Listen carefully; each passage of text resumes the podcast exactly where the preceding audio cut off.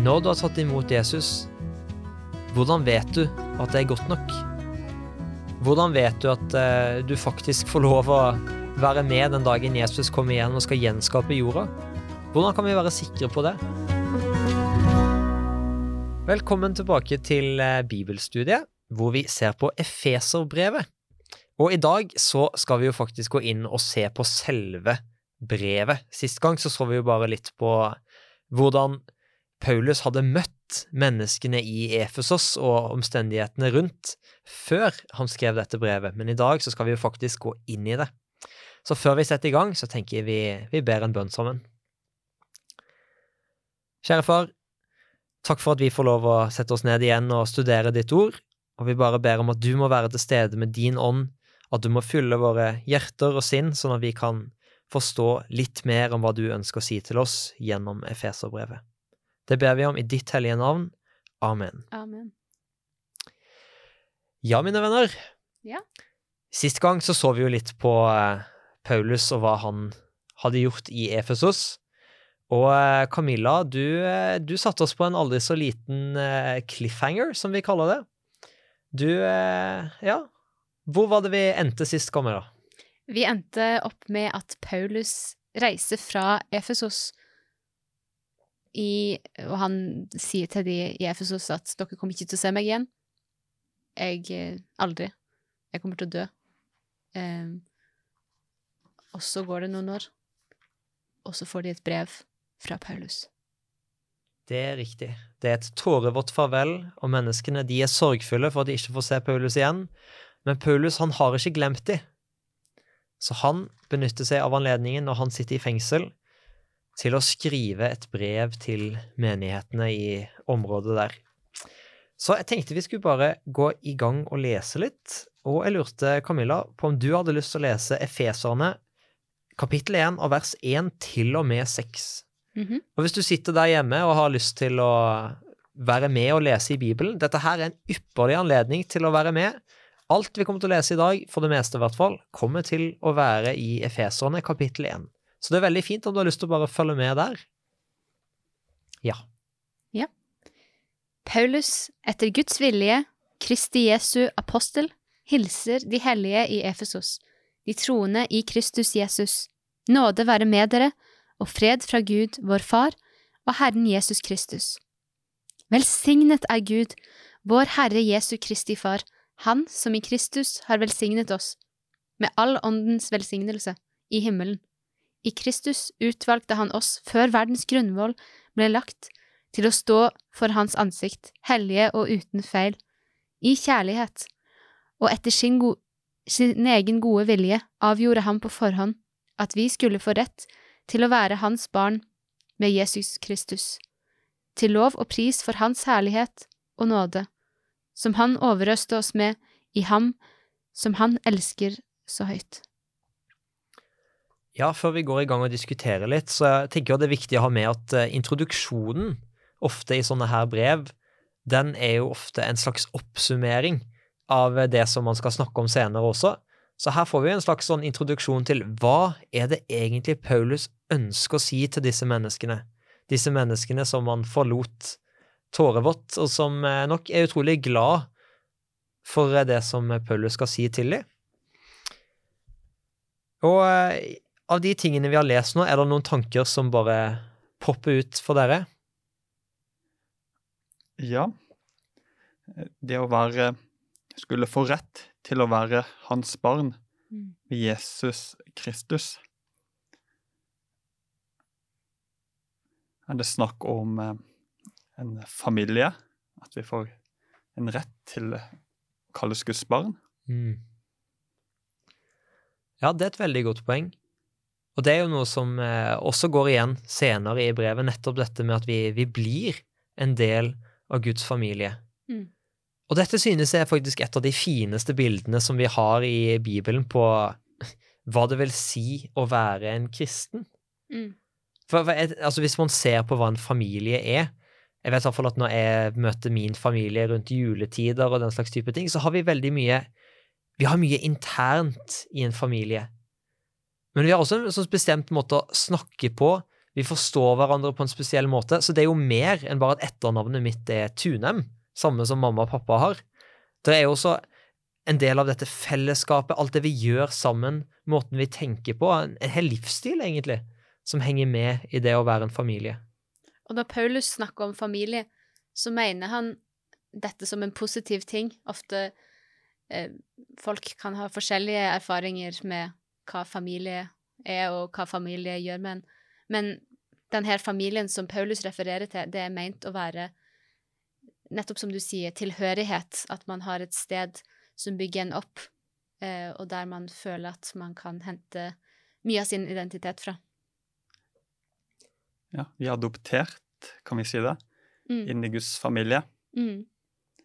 Og eh, det er vel sånn at når man er adoptert, så har man, har man like full rett til å kalles sønn Mm. som om man var, man var biologisk sønn. Mm. Det er litt spennende òg, eh, den bakgrunnen som de i Efesos har.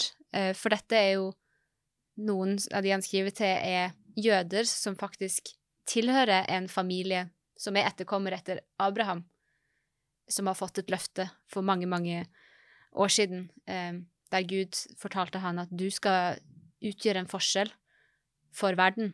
Um, du og din familie kommer til å gjøre en forskjell. Og nå så sier Paulus at andre som ikke nødvendigvis er født inn i dette, kan også få lov til å bli med i denne familien og ta del i det løftet om å om, at, om å være med i den bevegelsen som, som kommer til å gjøre en forskjell. Ja, jeg synes jo det er interessant at Paulus eh, starter med å, med å faktisk snakke om en familie Beskrive litt den familien som vi blir adoptert inn i. Mm. For han starter i vers 3 med å si Velsignet av Gud, vår Herre Jesu Kristi Far, Han som i Kristus har velsignet oss med all åndens velsignelse i himmelen. Som beskriver på en måte dette fellesskapet som Gud har i sin relasjonelle natur, i Mm. den forstand at Gud er faktisk tre i én. Og så sier han dette her fellesskapet, som er livgivende, som er med å skape, som sprer kjærlighet og godhet, det fellesskapet er det vi er adoptert inn i når vi får lov å være Guds barn, da. Mm. Og jeg tenker at det går jo tilbake til det som du nevner som en utrolig viktig ting, og ikke glemme det at dette her begrepet med far og mor altså, For mange så er det veldig belasta. Mm. Vi er ikke alle så heldige at vi har fått alt det som vi har behøvd hjemmefra. Noen har kommet fra familier hvor det rett og slett har vært veldig vanskelig. Og eh, jeg tror det er viktig at eh, når Paulus snakker om en familie, så sier han egentlig bare at til tross for det, og selv de av oss som føler at vi har kommet fra gode hjem og gode familier, så er vi nå invitert i den beste familien vi kan være i. I en familie som beskriver seg selv da som kjærlighet, egentlig. Mm. Ja, jeg slo opp eh, i den norske lov, og hva det sto om adopsjon der. Og Der leste jeg i eh, lovens formålsparagraf eh, 1. Formålet med loven er at adopterte barn skal få en trygg oppvekst ved at det etableres varige rettslige bånd som tilsvarer forholdet mellom barn og foreldre. Så det er på, vi er på en måte likeverdige som biologiske. Ja, jeg tror det på en måte sier noe om den tryggheten også, som vi har i den relasjonen til Gud. Mm. At Gud sier ikke noe at dette er noe som på en måte kan brytes, eller ok, du får lov å være der nå, men senere så kan det være at du ikke får lov. Men Gud er veldig tydelig på at dette her er noe som det står fast. Mm. Hvis du vil være med i denne familien, så har du en plass der som ingen kan ta fra deg. Og nå er jeg far, Ja. Mm. sier Gud. Jeg syns også det er interessant um, det her med at etter sin egen gode vilje avgjorde han på forhånd at vi skulle få rett til å være hans barn. Så dette er noe som Gud har planlagt at Vet du hva? Han der eller hun der, det er noen som jeg ønsker skal være mitt barn. Og det var òg før hele verden gikk eh, i en veldig negativ retning, så har Gud bestemt seg for at dette, dette er noen som jeg ønsker skal være mitt barn, likevel. Ja, og der er du inne på noe veldig viktig med denne teksten, da, med eh, på forhånd. Eh, og, og, dette her begrepet med at eh, Gud på forhånd har bestemt det, det er jo noe som går igjen flere ganger også. Mm. Og hvordan skal vi tolke det? Betyr det at det er Gud som har bestemt at vi skal bli frelst, eller eh, altså Hva mener Paulus når han sier dette her med på forhånd? Er ikke, Har dere noen tanker om det? Mange tar jo dette som en slags sånn eh, ord jeg vil gjerne bruke, er sånn predestinasjon. At Gud på forhånd har bestemt hvem som skal bli frelst, og vi kan verken gjøre noe til eller fra. Jeg føler at det er mer pre-intensjon, hvis man, det er et ord man kan bruke. Mm. Eh, at, at intensjonen til Gud er også det eh, Paulus skriver, at vi skal få rett til det. Det er ikke sånn at Gud sier at eh, nå har jeg bestemt at du må være mitt barn, og du har ikke noe valg. Men, eh, men Paulus skriver at du har fått bestemt på forhånd at dette er noe som du kan ha rett til å gjøre. Dette er din rettighet. Eh, og så sier ikke Paulus Han går ikke inn på den teologiske debatten her, eh, var det en bibelkommentator som jeg leste, Mm. eh, fortalte. Så, så det er ikke den debatten som Paulus ønsker å ta med sitt publikum på. Han ønsker å si til de at her er det en gud som før, lenge før han kjente dere, før verdens grunnvoll ble lagt, før, han, før dere ble skapt, så bestemte han at sånn gjør vi det her, at dere skal få rett. Og jeg tenker jo også at eh, når vi da er i denne her metropolet med mange forskjellige kulturer, som vi snakka en del om sist, Mm. så er det jo et poeng da at denne her familien består av mennesker som har hørt om Gud og har en relasjon til han, og som ikke har det. Mennesker som allerede tenkte at de var frelst, og mennesker som ikke visste at de trengte å bli frelst i det hele tatt.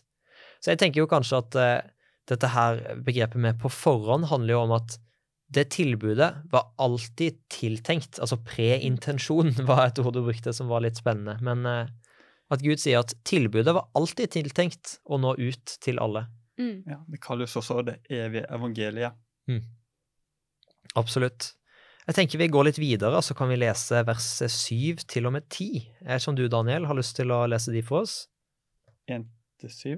Eh, kapittel 1, vers 7 til og med 10. I ham har vi friheten, kjøpt med hans blod, tilgivelse for syndene. Så rik er Guds nåde, som han har latt strømme over oss, med all visdom og forstand, da han kunngjorde for oss sin viljes mysterium, det han gjerne ville gjøre i ham, da han ville fullføre sin frelsesplan i tidens fylde. Ja, og så siste setningen også. Han ville fullføre sin tid, frelsesplan i tidens fylde og sammenfatte alt i Kristus, alt i himmel på jord i ham. Tusen takk, Daniel. Ja, nå virker det som Paulus går litt videre og snakker litt mer konkret om Jesus, på en måte. Hvor han tidligere snakker mer til menneskene og sier du har et tilbud, du kan få lov å være en del av Guds familie.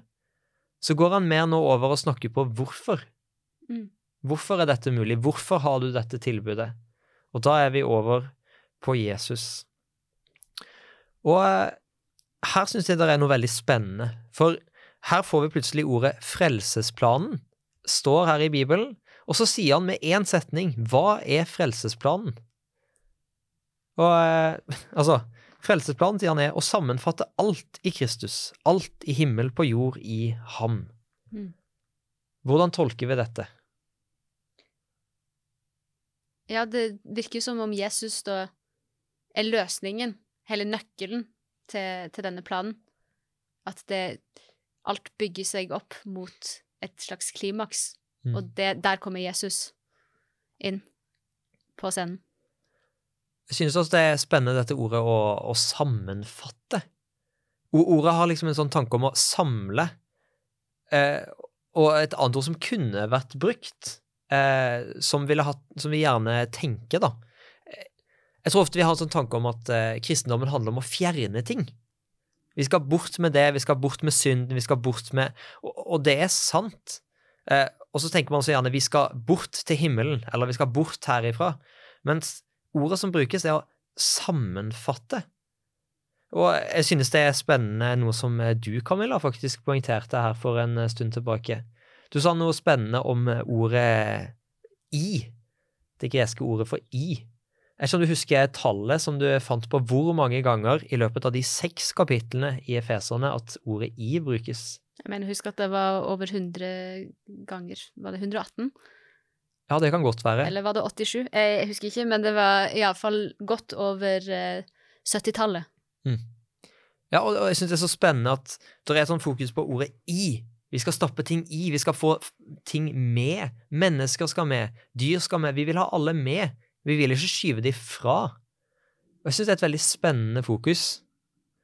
Og eh, ja.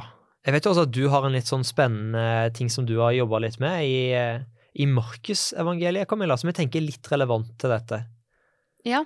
Eh, jeg fant en interessant ting i Markus, der det ordet som brukes for å revne, det er brukt to ganger. På gresk så er det skisso. Em, og det brukes én gang tidlig i Markusevangelium, når himmelen revner idet Jesus blir døpt, eller himmelen åpner seg, eh, står det kanskje i den norske oversettelsen, men, men da brukes dette ordet skisso. Em, og det samme ordet brukes også seinere, eh, når Jesus dør på korset, og forhenget i tempelet revner. Da brukes også ordet skisso. Og det syns jeg er utrolig spennende da, i tanke med dette her å, å sammenfatte alt. At når Jesus da begynner sitt virke her på jorden og blir fylt av Den hellige ånd, så beskriver Bibelen at himmelen, det stedet som man ofte tenker der er Gud, det revner opp, og så kommer Den hellige ånd ned.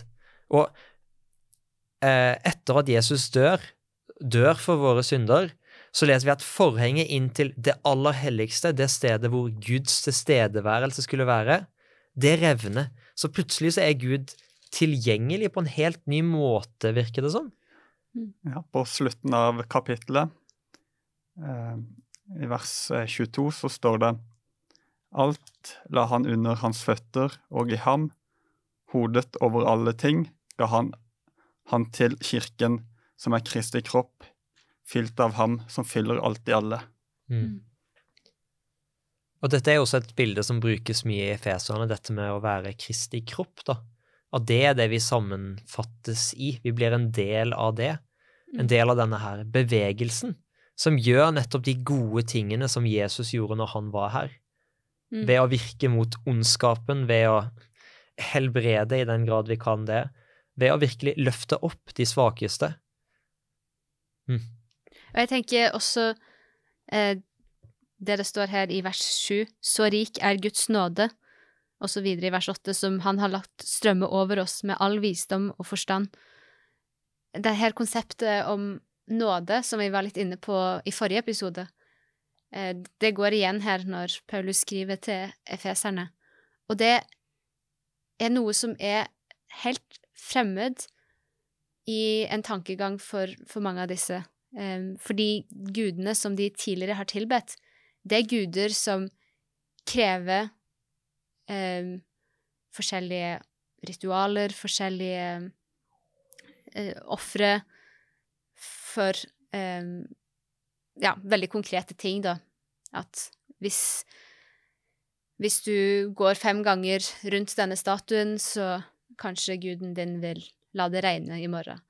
Um, men her ser vi en gud som gir dette helt gratis, uten at man må ha denne typen ofre eller ritualer eh, på samme måte. En gud som er nådig. Og der synes jo også det er veldig spennende det at eh, etter han har sagt dette med nåden som han lar strømme over oss, Mm. så sier han han kunngjør for oss sin viljes mysterium. Mm. Og, og, det er jo noe av det som Paulus bruker tid på i Efeserbrevet, nettopp å klargjøre mysteriet for menneskene i Efesos. Det som ikke nødvendigvis var så lett å forstå og ta inn over seg. Mm. Og jeg synes det er spennende at der andre guder og religioner hadde en sånn tanke som du sier, da, at eh, hvis vi gjør noe konkret, noe for å glede gudene, så kommer de til å glede oss. Mm. Men så har vi en gud som da plutselig sier dette her er et mysterium. Mm. Det, det viser jo noe om at han har ikke noe problem med at dette her er vanskelig å forstå og ta inn over seg. Fordi det handler ikke om hva han skal få ut av det, det handler om oss. Eller det vil si, han elsker oss, og det største han kan få ut av det, er jo nettopp det at vi har lyst til å ha noe med han å gjøre. Mm. Og det er virkelig et mysterium. Og dette er så viktig for Paulus å si til de i Efesos, nettopp fordi de har vært Det er mye snakk eh, nå i sosiale medier og diverse andre steder om såkalte toxic relationships, altså forhold som bare er destruktive, og som eh, bryter ned en eller begge parter i forholdet. Og eh, mange av de som er i Efesos, har vært i et slags toxic relationship Mm. med sine guddommer. De har blitt brutt ned. De har eh, følt at hvis jeg skal få noe som helst av eh, min gud, så må jeg gjøre noe for det. Og guden min hater meg litt, så jeg må passe på at jeg hele tida er på godsida. Eh, mens her kommer det en gud som uoppfordra bare elsker de menneskene som han har skapt, uten engang eh, Altså, før de ble skapt. Før de gjorde noe som helst. Mm. Og det er et helt paradigmeskifte, for å bruke eh, et ord med mange stavelser. Det er en helt ny tankegang. Ja, det snur verden litt på hodet. Det gjør det. Det gjør det. Og da passer det kanskje å lese fra kapittel to, eh, fra vers eh, åtte.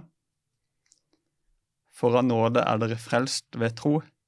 Det er ikke deres eget verk, men Guds gave. De hviler ikke på gjerninger, for at ingen skal skryte av seg selv. For vi er Hans verk, skapt i Kristus Jesus, til gode gjerninger, som Gud på forhånd har lagt ferdig for at vi skal vandre i dem. Ja, virkelig. Så gjerninger kommer ikke først i den kristne tro. Mm.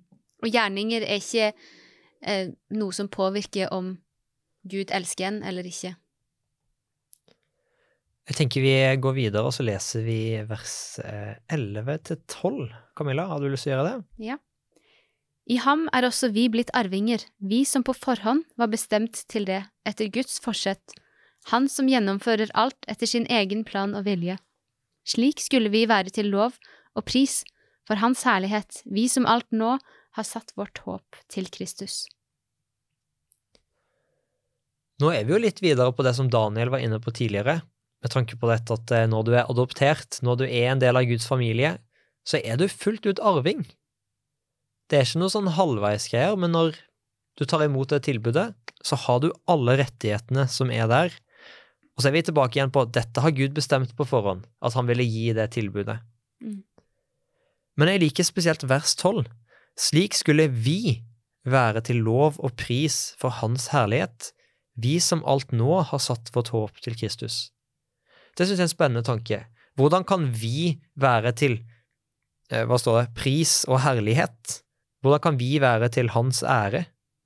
Ja, et lite hint som denne teksten gir, er jo at vi setter vårt håp til Kristus. At når vi tenker OK, nå var livet vondt, eller nå var et eller annet vanskelig, eller hva, hva skjer etter dette, eller er alt det gode som jeg opplever nå, er det bare noe tilfeldig som kommer til å eh, gå forbi hva skjer i neste fase, så er denne Jesus noe som vi setter vårt håp til, og som vi Vi, vi glimter en framtid som er bedre enn den vi har, eller den vi kan forestille oss.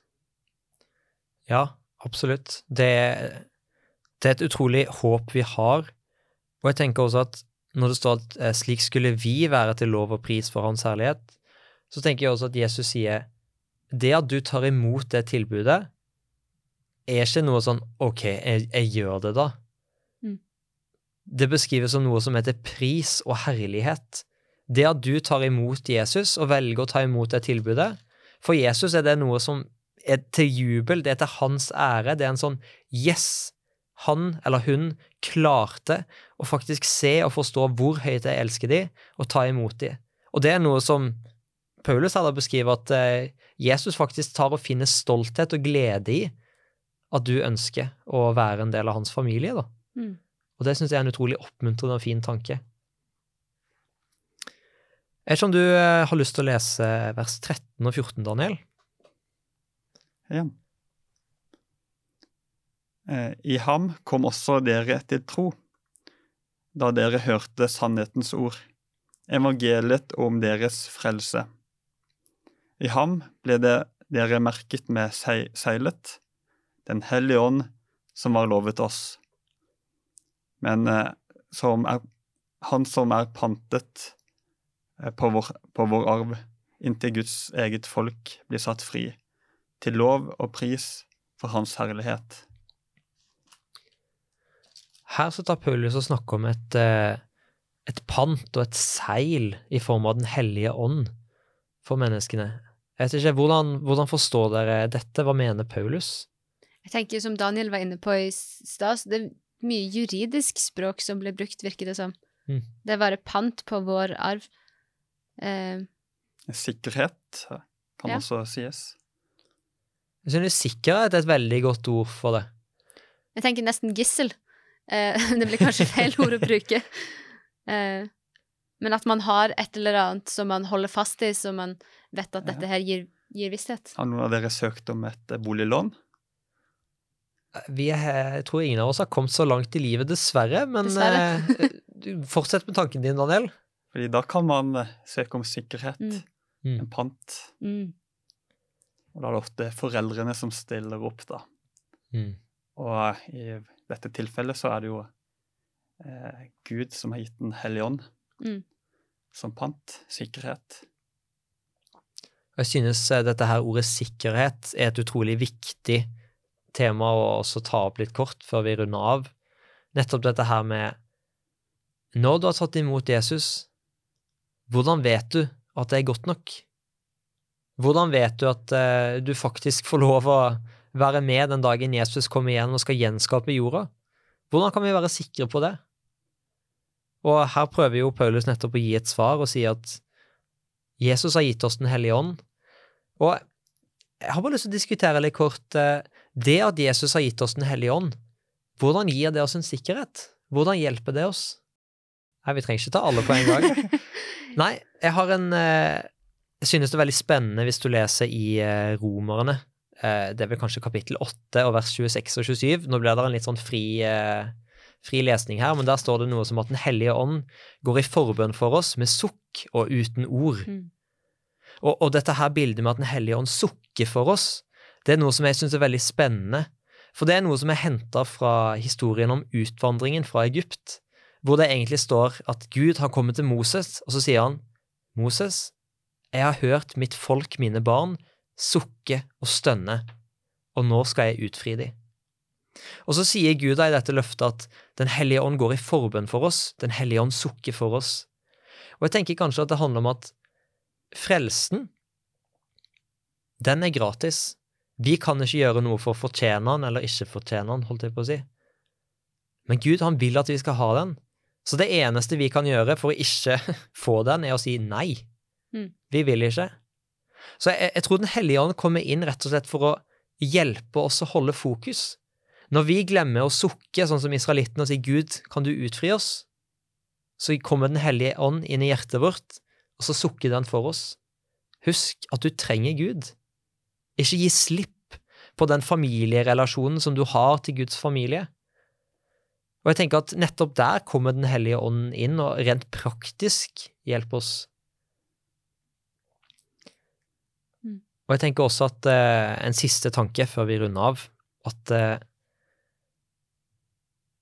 i forhold til dette her med å, å falle fra, da eh, Jeg har en eh, veldig god venn i Bergen som eh, brukt et veldig fint bilde på dette her med hva skjer når, når jeg synder, eller når jeg, når jeg, på en måte faller fra på noe vis.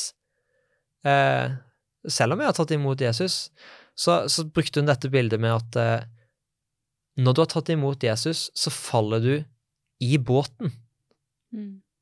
Tanken er at vi er, vi er, ute på et hav, og vi svømmer, og vi vet ikke helt vi skal, hvor vi skal gå for å kunne slappe av og finne land. Men så kommer Jesus med en båt. Og når du går om bord i denne båten, når du tar imot Jesus, så er det ikke sånn at du faller utenfor båten og igjen må begynne å svømme og kave og bare kjenne på at du drukner. Du faller oppi den trygge båten. Og der tenker jeg dette her ordet med sikkerhet er så utrolig fint. Og at Paulus da tar seg tid til å si til efeserne du kan være sikker. Mm. For Gud, han vil at du skal få lov å bli frelst. Ja, Vi har jo sikkerhetsvest, så at eh, den hjelper oss å holde oss flytende. Mm. Og Jesus er den sikkerhetsvesten. Mm. Mm. Ja, men jeg liker det bildet med den båten. Det, det er et bilde som, som, viser hvor trygge vi kan være. Mm. Eh, I Jesus. I Jesus igjen. ja. I Jesus. I. Jeg tenker at det er kanskje et fint sted vi kan runde av med den tanken om at vi er trygge i båten til Jesus. Mm. Skal vi be en bønn sammen? Kjære Jesus, vi ønsker å takke deg for frelsen. Vi ønsker å takke deg for at du ikke ga opp på oss, men at du gikk ut på leting for å finne hver og en av oss. Takk, far, for at det løftet om at vi skal få lov å være sammen med deg i all evighet, i en verden hvor, hvor synden ikke er mer, hvor døden, hvor smerte og sykdom er borte, at vi kan være sikre på at du vil ha oss der, og at du beskytter oss. Så jeg bare ber om at du må fylle hver og en av oss som lytter og ser på, med din ånd, og bare lede oss fremover mot den dagen hvor du kommer og henter oss igjen. Vi takker og vi ber Jesus i ditt hellige navn. Amen. Amen.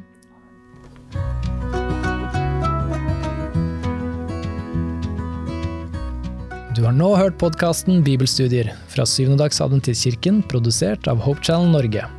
Husk å følge podkasten, og inntil videre Guds velsignelse.